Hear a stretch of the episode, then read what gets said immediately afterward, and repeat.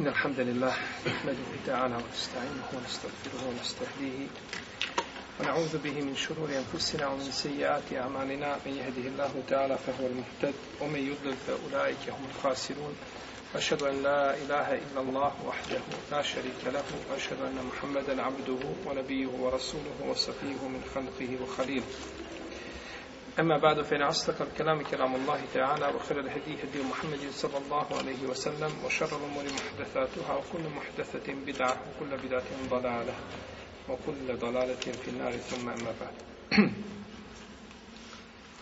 Nismo naša u zadnjem predavanju govorili o skupinama koje su privremeno zabranjene za brak. I zadnja skupina je bila koja? Žena. Molim? Žena koja je u ihramima koja je muhrime koja je znači ušla u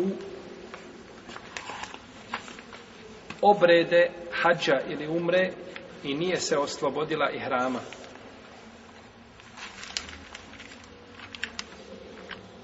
i kazali smo da je zabranjena ženitba i zaruka u tom slučaju. To je bila sedma skupina, je tako? Osma skupina je da oženiš petu ženu pored postojeće četiri. Znači, ko ima četiri žena, ne može ženiti pored nje petu. Jer uzvišen je Allah te barake od tala kaže u Kur'anu Fenki tu ma tabe lekum minan nisa mesna u solate u ruba. Ženite se sa ženama koje vam se dopadaju, koje su vam mile, koje su vam drage, sa po dvije, sa po tri ili sa po četiri. Fein hiftum la ta'dilu fa wahida, ako se bojite da ćete biti nepravedni, onda sa jedno. Pa je po konsensusu islamskih učenjaka čovjeku zabranjeno da u jednom vaktu ima pet žena. To mu je znači zabranjeno. I kažemo, a tome nema oko toga nema razilaženja kod ehlu sunneta. A oni koji su u tom pogledu zabludjeli, oni svakako ne utječu na znači ispravnost tog konsensusa.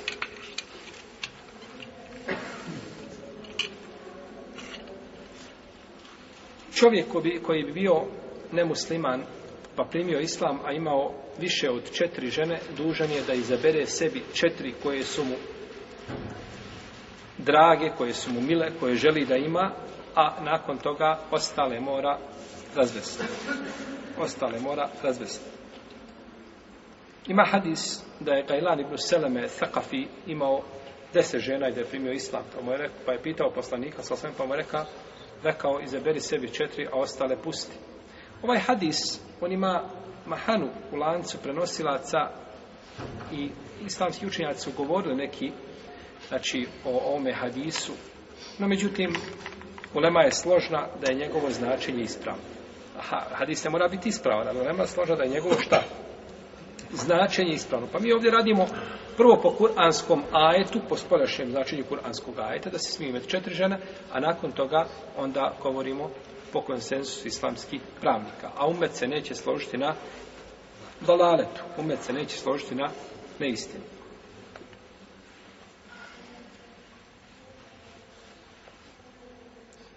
Čovjek ima četiri žene. I oženi petu. Čovjek ima četiri žene i oženi petu. Taj brak je baltil. Taj je brak neispravan. Znači to što je uradio, bračna veza u osnovi je neispravna. Nije se desio brak. Pa kod šafije i malika treba mu izvršiti kaznu nad njim. I Zuhri kaže treba kaznu, ako nije znao treba kaznu, Ako je znao, treba kaznu kamenovanja. A ako nije znao, treba kaznu bičevanja. A nije znao i opet treba manja kazna. Zašto? A to što je dužan da uči braću. Čovjek je dužan da uči svoju vjeru. Ne može čovjek tek tako činiti stvari koje je šarijetski zabranjen i kazati, ja nisam znao. Dobro, nisi znao, lijepo. A šta te je sprečavalo da naučiš? A, u tome je problem. Znači, čovjek koji živi u muslimanskoj sredini gdje muslimani borave, gdje se može naučiti i neće da uči i kada počini prijestup, tada mu ovaj ne opravda, tada mu neznanje neće biti opravdanje. Pa kaže, bit će, bit će vam, bit će, bit će vam. U tom jeli slučaju ako je bio džahil. A o njoj pripada mehar potpuni i među njima se dvoje čini firak, rastavljaju se i nikada se više spojiti ne mogu za dunjaluk. Znači nema im više spajanja, nikada. Pa je to zabranjeno. Isto braću čovjek koji ima četiri žene pa pusti jednu ženu. Ima četiri žene i pusti jednu ženu. Prvi put je pusti.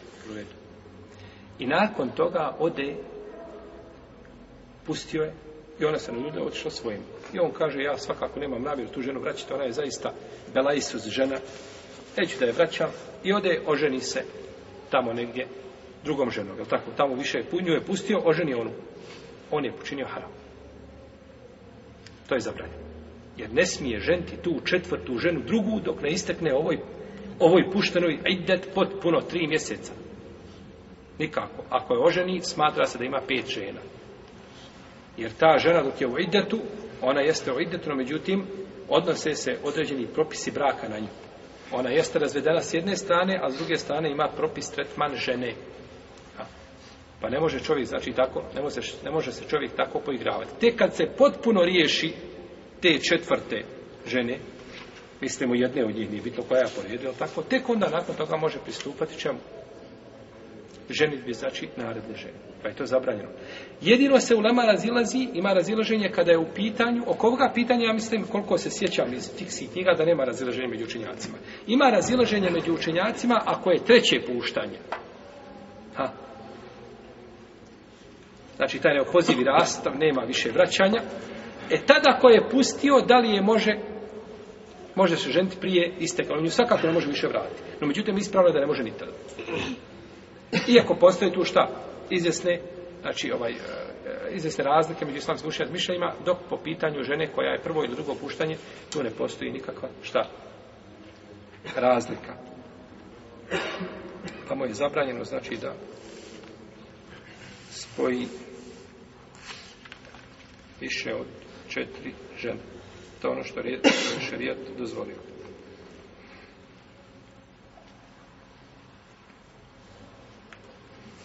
Brakovi koji su zabranjeni, odnosno koji su neispravni šarijatski, vrste brakova koji su šarijatski neispravni.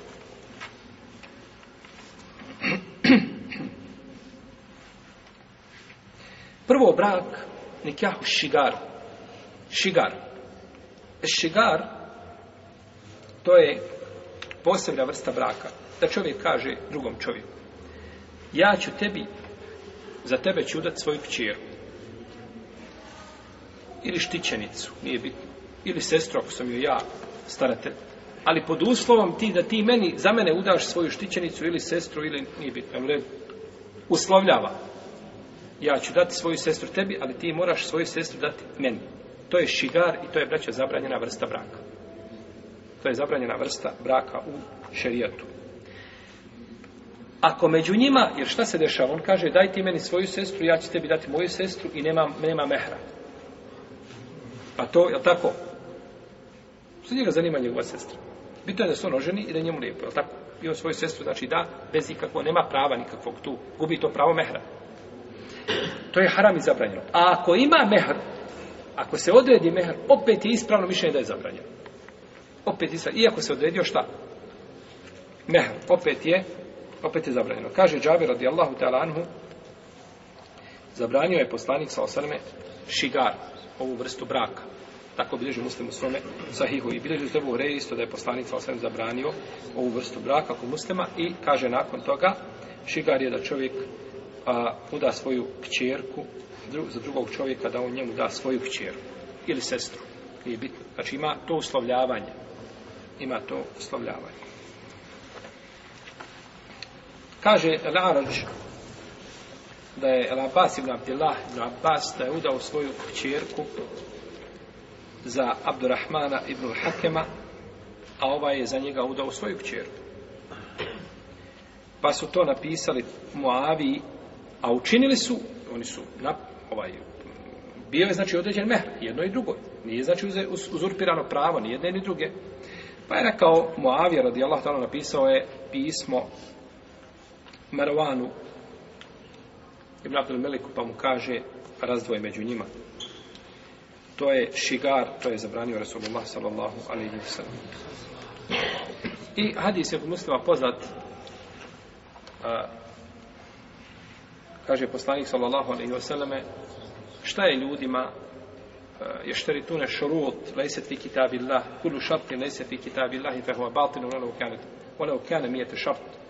Svaki, šta je, kaže, ljudima poslovljavaju određene uvjete koji nisu u Allahovi knjizi. Svaki uvjet koji nije u Allahovi knjizi, on je neispravan, tamo da, da, tamo je, tamo da ih ima stotinu. Tamo da ima stotinu, znači, takvih uvjeta. Ovdje je, braćo, A, prvo, u e, ovome je problem što ljudi koji udaju tako svoje a, e, bilo kćerke ili a, ovaj, sestre ili nije bitno ovaj, nekoga od rodbine kome je on velija ili staratelj, što on gleda prvo svoju korist. On ne gleda korist saš svoje. On želi da uda svoju sestru za čovjeka, ali taj čovjek nije šta? Nije na džadi. On je onako nekakav musliman, blijed. I on je udaje da bi on dobio šta? Da bi on dobio, braćo, ženu. I onda udaje svoju, on je našao sebe odgovarajuću ženu. No međutim, nije našao šta? Odgovarajućeg zeta. Jer u redu, nije našao odgovarajućeg zeta. I zato imate ljudi, on udaje svoju sestru ili kćerku ili ne znam, već koga udaje i on ne traži njoj supruga, nego traži sebi zeta. Pa ako on boksa, on sebi traži boksera zeta. Jel u redu? Ako je on, ne znam, tamo nekak, u nekakvim biznisnim vodama, biznismen dobar, on samo traži ko ima tamo firme, ko se svak pre, pre, pretura samo račune pre, preko ruku. Je tako? A ko je vezan za, za halke šarijata i šarijatsko znanje, on traži nekoga ko je učenik, ko uči, je tako? Pa je Belaj da čovjek traži onoga ko odgovara njemu, nego treba kada tražiti onoga ko odgovara, znači, njegovoj ili sestri, ili kćerki, ili štićenici. Isto tako, a, u dosta slučajeva ovdje se mehr uzurpira, znači nestaje pravo mehr. I dešava se često u arapskom svijetu u takvim slučajima ako ovaj čovjek pusti sestru ili kćerku toga čovjeka, odma i on pusta njegovu kćeru. Jer njegova kćerka ostala šta udovica. E kaže, bit će i tvoja sigurno, kaže, pakuj se idi. To je zulum. Kakve veze ima ova ž... kćerka? Dobro, moj babo je pustio tvoju kćerku. Kakve ja veze imam s otim? Jesam ja to uzročila? Ja to me kriva? I ja to podržala? Ja to inicirala? Ja zagovornik toga bila? Zašto ja trpim ovaj grije nekoga drugoga? Pa je to, to, to je, braće, to je u šarijetu. Tako šarijet zatvara vrata svakoj nepravdi koja bi se, koja mogla nastupiti. Znači, to zatvori odmah u startu i kaže, nema od tog braka ništa, idi Dunjaluk je širok, traži sebi preko Dunjaluka, naći ćeš sebi ono što ti odgovara.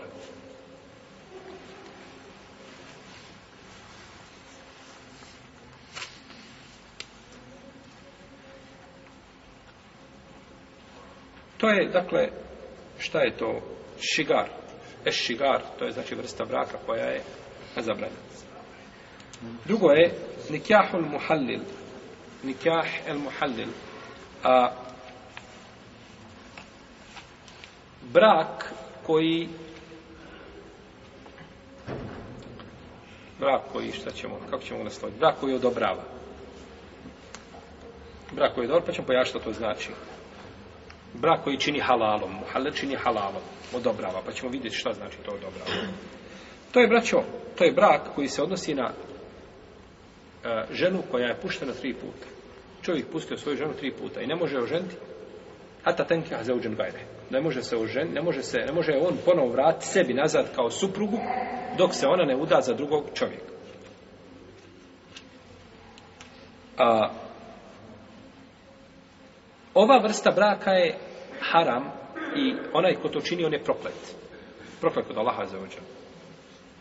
Od Ibrome suda se prenosi kako bilježi imam tirmizi ili saj drugi sa ispravim lancem prenosilaca da je poslanik sallallahu alaihi sallame kaže Ibrome sud pro, proklao je poslanik sallallahu alaihi sallame el muhille wal muhallele leh proklao je poslanik sallallahu alaihi sallame onoga koji ohalaljuje i onaj kome se ohalaljuje misli se na ženu Misli se na ženu koja je razvedena tri puta, jel?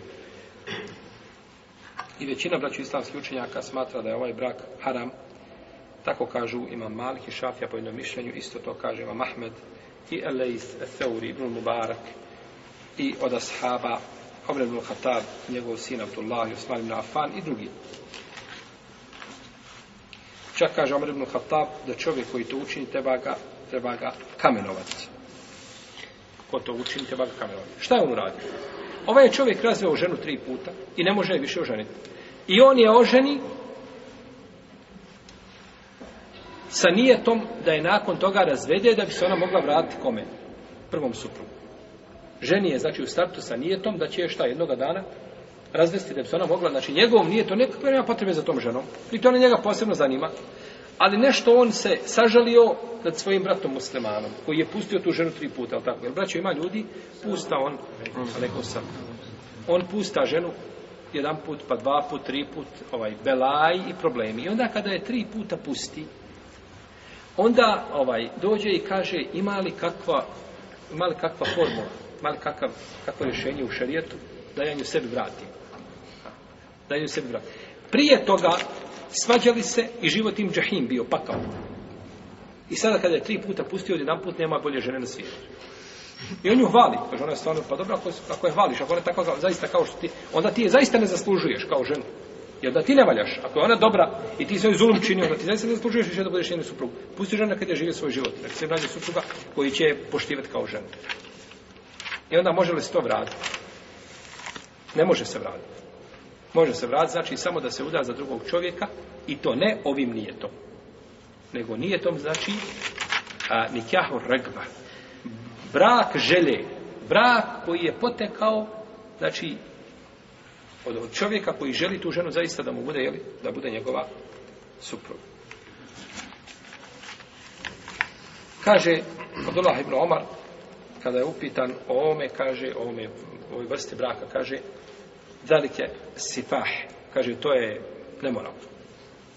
Čovjek se oženio i bili svjedoci, sve je bilo, no međutim ima nijet jedan, znači, koji je pogrešan, a to je da mu je ohalali ovome čovjeku, kaže, to je sifah.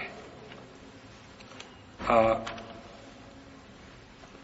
bez obzira, braćo, da li ovaj bilo to uslovljeno. Ova žena kada se udaje, kaže, ne, nije problem, ja ću se udati za tebe, ali s tim da me ti drugi dan šta? Pustiš. Uslovila ona, ili ne uslovila, bitno je da on ima taj nijet i da pristaje na to. A, ne mora on usloviti. Ali ona ako uslovljava, onda ona biva šta? Ona biva znači griješana. Ona je postavila šart koji je batil. Ako on to radi sam od sebe, onda je on proklet. Onda je on proklet. Pa da učini svome bratu muslimanu uslugu, zasluži džehennem. Zasluži džehennem. Kaže Nafija, došao je čovjek od Ibnu Omara, radi Allahu ta lanhu, kako bježi vam hakmi bejhevi sa vjerozostanim lancem prenosilaca. Došao je čovjek od Ibnu Omara, pa ga je upitao o svojoj ženi koju je pustio tri puta. Pa je oženio brat njegov, ali oni nisu ništa dogovarali, oni nikakvi dogovorio sa njim, da bi je ohalalio ovome prvom, pa je rekao, Ibn Omer ne nikako osim brak želje, znači da živi sa njom. Zato je tražio. Kaže, to smo mi u vrijeme poslanika sa osvrame pretirali nemoralno. To smo mi u vrijeme poslanika sa osvrame pretirali nemoralno. Šta je tretirali nemoralno? Znači da se čovjek oženi da bi ohalalio tu ženu ponovo njenom prvom suprugu. Ebu Hanife i Šafija u jednom mišljenju smatraju da je ovaj brak ispravno, da je šart batel. Ako bi bio šart, brak bi bio ispravno, šart bio batel, dok ovaj drugi učenjaci kažu da je on u osnovi pokvaren. I to je ispravo mišljenje, da nikako se nije desila braša veza. Da je to, kako kaže Ibn Omer, da je to sipah, da je to, da je to ovaj, nemoral i zato je Omer, da on govori da, da, ih treba, da ih treba kamenovati. Odnosno, da ih treba bičevati ako su o, d, ovaj, d, jeli, ovisno je u kakvom se stanju radi, znači koja će se širinska kazna na njima izvršiti. Braćo, ovdje je znači i breti povuka u svemu u ovome drugom suprugu koji je ženi. Ne u prvom, u bivšem, znači niti u ovoj ženi. Nema i breta i povuke, znači njihov stav i njihove namjere, nego samo sve se veže, znači, za čovjeka. Jer ovaj drugi čovjek, on, on ništa, on ne može, ne može o nju ni razvesti, ni, ni vjenčati. Ali ona ne može samu sebe razvijesti. Pa je sve vezano za koga? Za ovoga drugog čovjeka, je li tako? Za ovoga drugog čovjeka.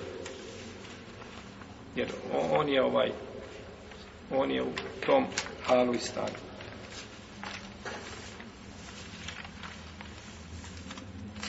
On odlučuje. Kao što je jedan turčin gore došao na zapad, doveo sina Pa se oženio za papire. Oženio ženu da bi dobio šta? Papire. A švabicu oženio.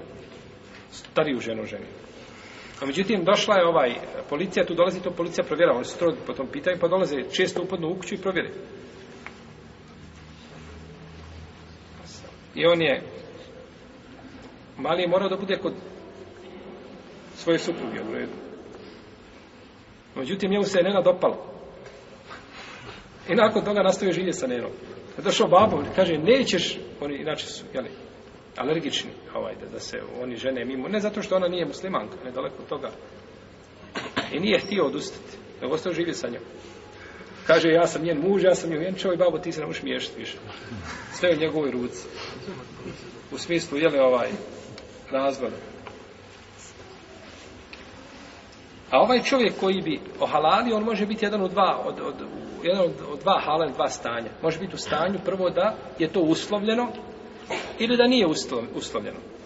Pa ako je uslovljeno, znači šart je, taj bi šart bio neispravan, ne može se, to se ne može uslovljavati, a ako je on to nije tio, opet, znači, bio bi proklet shodno hadisu.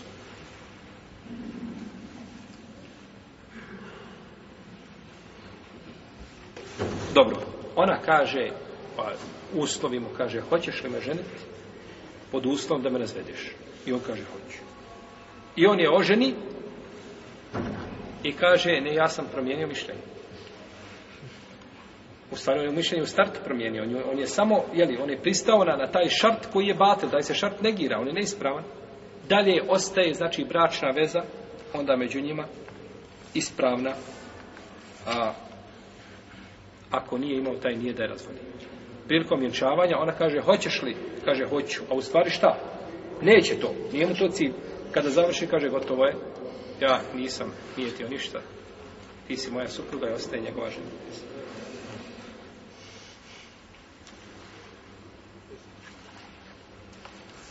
Dakle, braćo, kazali smo da prva da supruga i prvi njen muž nemaju tu nikakvog udjela. Da sve se vraća na muškarca, drugog, odnosno supruga koji je ženi. Došla je žena Rifat, el kure lija, kod poslanika, svala osrame, pa mu kaže, Allaho poslaniće, Rifa, kaže, on me, pustio me neopozivo, trči mi razud braka dao. Kaže, pa me oženio Abdurrahman ibn Zubeir. Kaže, o inema mahu mislul hudne, on kaže ima resu od haline. On ima resu od haline. Šta znači ovo da ima resu od haline? Vrati se u Baharin Sahih. Ako ima Baharin Sahih, neka pogleda Hadis 2639, pa će vidjeti ovaj, šta, je, šta znači resu od haline. Nije sve ni zagovoriti. Znači, neka ko želi 2639 hadis u našem prevodu, a to je arapski original je pod istim brojem, pa vidite šta to znači ovaj na što se ona žalila. Pa rekao poslanik sa osvrame, kaže, ja imam očaj, kaže, da ti želiš da se vratiš rifaj, da vratiš se prvom suprugu. Jel? Kaže, nikako dok ti ne okusiš slast njegovog medašca i on tvoga. Znači, dok se ne dosi, ne dosi među vama intimni odnos. Nema, znači, vraćanja. Nema tog vraćanja. Ako se to desi, ti se udala za njega, pa, desi, pa on odluči da te pusti, to je druga stvar. To je druga stvar. No međutim, šta je njen nijet bio? Ona je ukazivala na nešto, tako? Ona je to ukazivala na... No međutim, njen nijet nije imao nikakve šta, pouke i brte, i poslanik kako si jesi imala taj ibrat, jesi imala taku, e, takav nijet kad se udavala, to imala nijet, ne imala ništa nije u njenu, jer ona ne može odlučivati, ne može žena u islamu samu sebe razvesti. Ne može ona sama da talak suprugu, talak uzga tri put i završeno. Nego može tražiti, ako je čini nepravdu, preko kadije. Da kadija, znači, da, da, da razgrgne bračnu vezu ako se čini nepravda, ne znači to da žena u islamu može biti rob i da je neko može e, e, ovaj terorisati i da je može ovaj njena osnovna ljudska i vjerska pravo uzurpirati i ona nema pravo da se želi nek morate. Nije tako, ali ne može samu sebe razvesti. Kao što ne može samu sebe udati. No međutim, ako neće babo da je udaje, činio je adl. Adl u arapskom je da brani da se udaje. Dobro, neće babu, onda ode kod kadije, poželi se ili se poželi nekome ko dolazi na mjesto kadije, u mjestu gdje nema kadije, i onda je neko uda bez babe. Ali ne može ona sama, kada je baba okreći ti, ja ću onda sama se udati. Ne može. E, tako se ne može samo šta ni razvest. A znači li to da će ostane razvedena ili ne, ne udati? Nikako. Nikako. Dobro.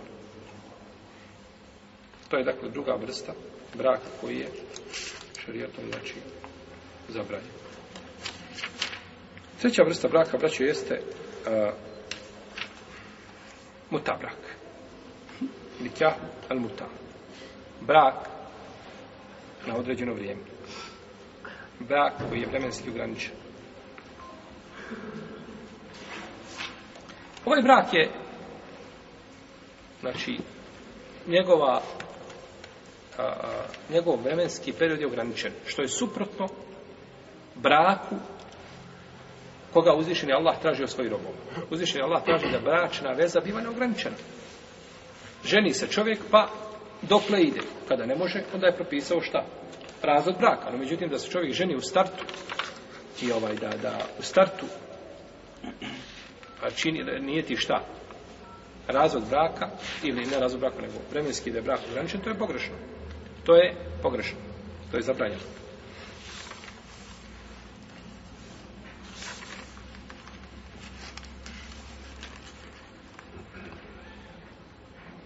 ovaj brak se braće sklapa tako što čovjek dogovori sa ženom da joj da nešto mehra. I to je sve. Ništa više od toga. Nema nikakve drugih uslova. Ni babo, ni majka, ni otac, ni ovaj. Niko, niko ne mora biti tu. Majka svakako nema i brata. Znači, ne mora biti staratelj nikako. Ne mora biti svjedoci. Ne mora, nema prava nikakvi.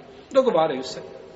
Na dan, na dva, na tri, na mjesec. Koliko se dogovore, koliko se slože, po kojoj cijeni se slože, pogode se kao na pijaciju. Ova braća vrsta braka je bila dozvoljena u prvo vrijeme islama. Tačno, ona je bila dozvoljena u prvo vrijeme islama. I nakon toga onda uzvišen je Allah te barek tala to zabranio preko poslanika sallallahu sallam znači jezikom svoga sallallahu alaihi sallam do sudnjega do sudnjega dana. Imamo nekoliko rivajeta o dokidanju ovoga, ove bračne veze. Imamo prvo rivajet da je dokinuto na dan Hajbera. Tako bi reže Buhari je muslim od Alije radi Allah ta'ala mu kaže da brani je poslanik sa svem muta brak i m, mm, meso domaćih magaraca na hajber. Ovdje je došao hadis od Alije. Znači, Alija prenosi od poslanika sa osam.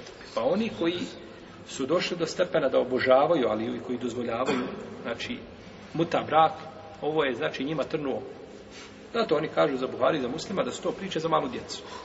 Znači to što prenose Buhari je muslim, ovaj, to su igračke ehlu sunnata.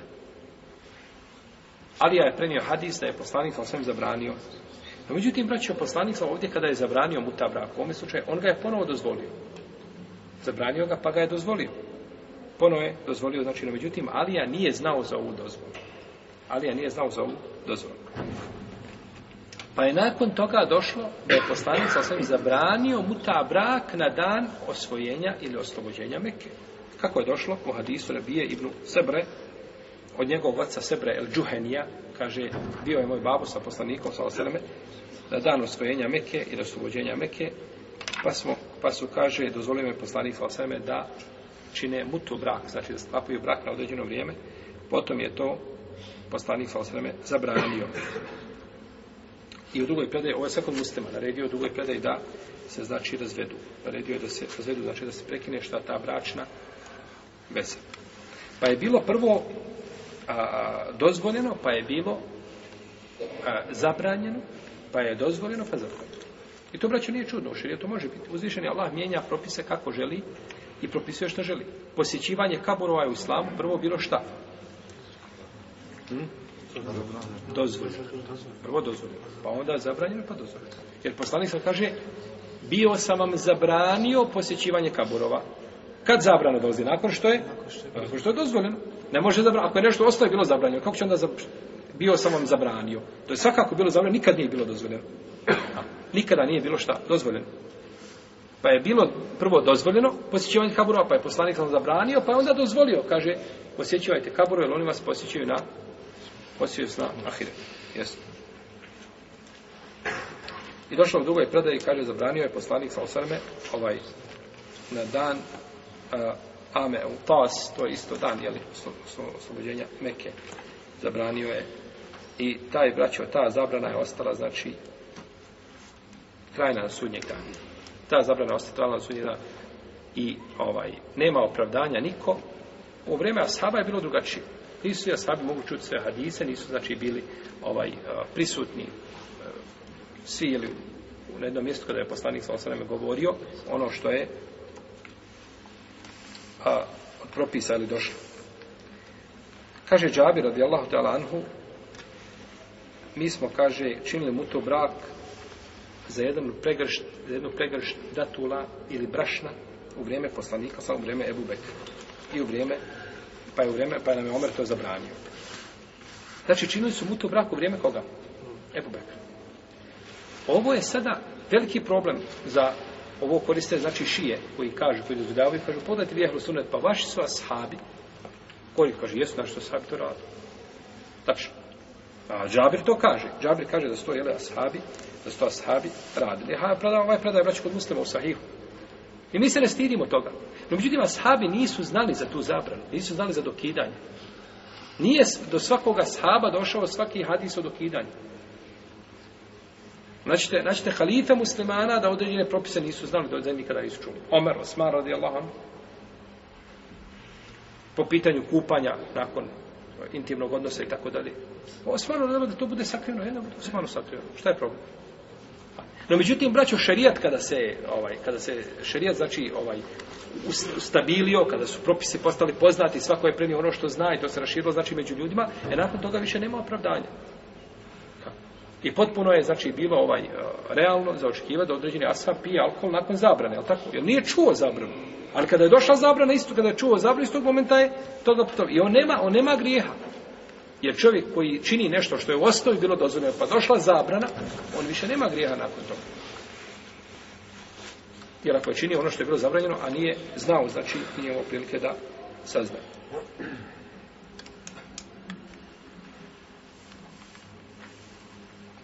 I on, zato što je neki od Ashaba što prenosi poput Ibn Abbas, prenosi se da je on dozvolio to. Međutim, isto Ibn Abbas prenosi zato što njega nije došao šta? Propis o dokidanju. Nije došao propis ili o dokidanje. Braća sahabi su vrijeme nakon poslanika su izlazili u džihad, odlazili puno ovaj, govorili su određenje stvarno. Međutim, mnogo stvari je bilo, ovo samo ukazuje, braću, da nijedan ashab ne postoji ashab, ni čovjek na zemlji koji ima prisip sav šarijat. Kad kažemo, ima jedan čovjek i on je izvor šarijata. Šta god on kaže, to je tako. To ne postoji, to nije bio nije Buhurire, to nije bio niko ni od ashaba, ni od tabina, ni će biti kod sudnjega dana. Ali ummet u cijelosti je na haku i na istini, kao ummet. Našto ona skupina pobjedonosna između njega, a da kažemo da jedan čovjek ima pri sebi sve hadise, sve propise i tako da to nije bilo među ashabima, pa neće sigurno biti ni onima, među onima koji dolaze nakon, jel, nakon njih. Tako da Ibn Abbas je ovdje nagrađen. Ibn Abbas, on se izdvojio između ashaba tim mišljenjem, on ima nagradu za svoj štihad, jer u to vrijeme je bio drugačiji Znači nije se moglo saznati kao što mi, što mi danas možemo saznati ili kao što se moglo saznati kroz stoljeća kada je hadis bio zapisan, imamo znači jasne naredbe, zabrane kod Buhari i kod Muslima, nakon toga više niko nema prodanja. Pa mi koliko god da vol, voljeli Ibn Abbasa i, i poštivali Ibn Abbasa i to mora biti tako kod mu'mina, jer ako nećemo poštivati Ibn Abbasa, onda nećemo poštivati nikoga na zemlji više, ovaj, ne možemo staviti riječ Ibn Abbas ispred riječi poslanika. Ibn Abbas sam znači da je čuo hadis taj i on bi rekao ljudi, pa to je rekao poslanik sa osreme, on je rekao ljudima kada je raspravljao sa njima, kaže poslanik, kažu, a kaže Ebu Bekri Omer, kaže, kaže poslanik, sad, kaže Ebu Bekri Omer, tako bi ima Mahmed u svojom ustadu. Kaže, bojim se da ne počne kamenje padati ne, sa nebesa na vas, ja vam kažem, kaže poslanik sa osreme, a vi meni kažete, kaže Ebu Bekri Omer. Znači, ja, Ibn Abbas nam je sam postavio pravilo kako da se mi opodimo prema njegovim riječima. Da ih cijenimo, da poštojemo, bez imalo sumnjeno, međutim, da ih prihvatamo ako su suprotne jasnim ajetima ili hadisima, to nikako i to Ibn Abbas nije tražio da se imamo u tome opravdanje. Tako da mi nemamo znači pravo, nema znači pravo niko da radi više po tim hadisima. Jer to je dokinuto i to je zabranjeno.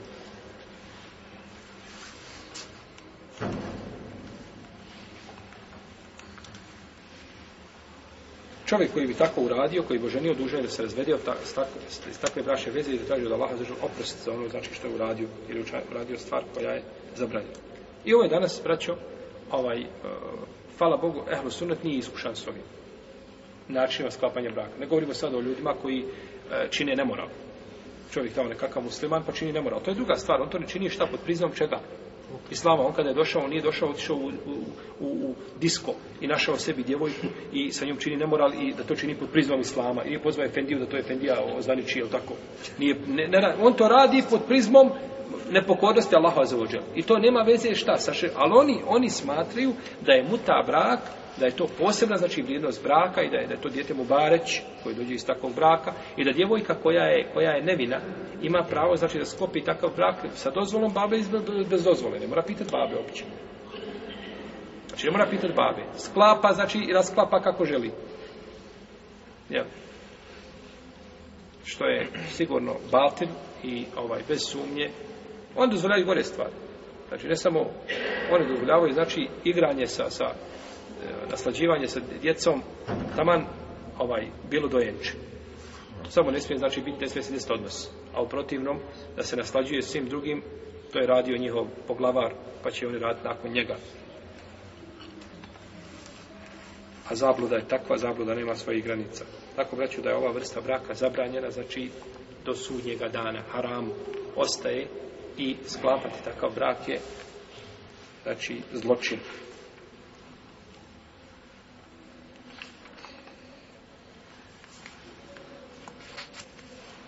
Imamo i druge vrste braka koji se zabranjaju, pa ćemo šalotara o tome govoriti u narednom našem druženju. Allah ta'ala, sallallahu alaihi wa sallam, alaihi wa sallam, alaihi wa sallam.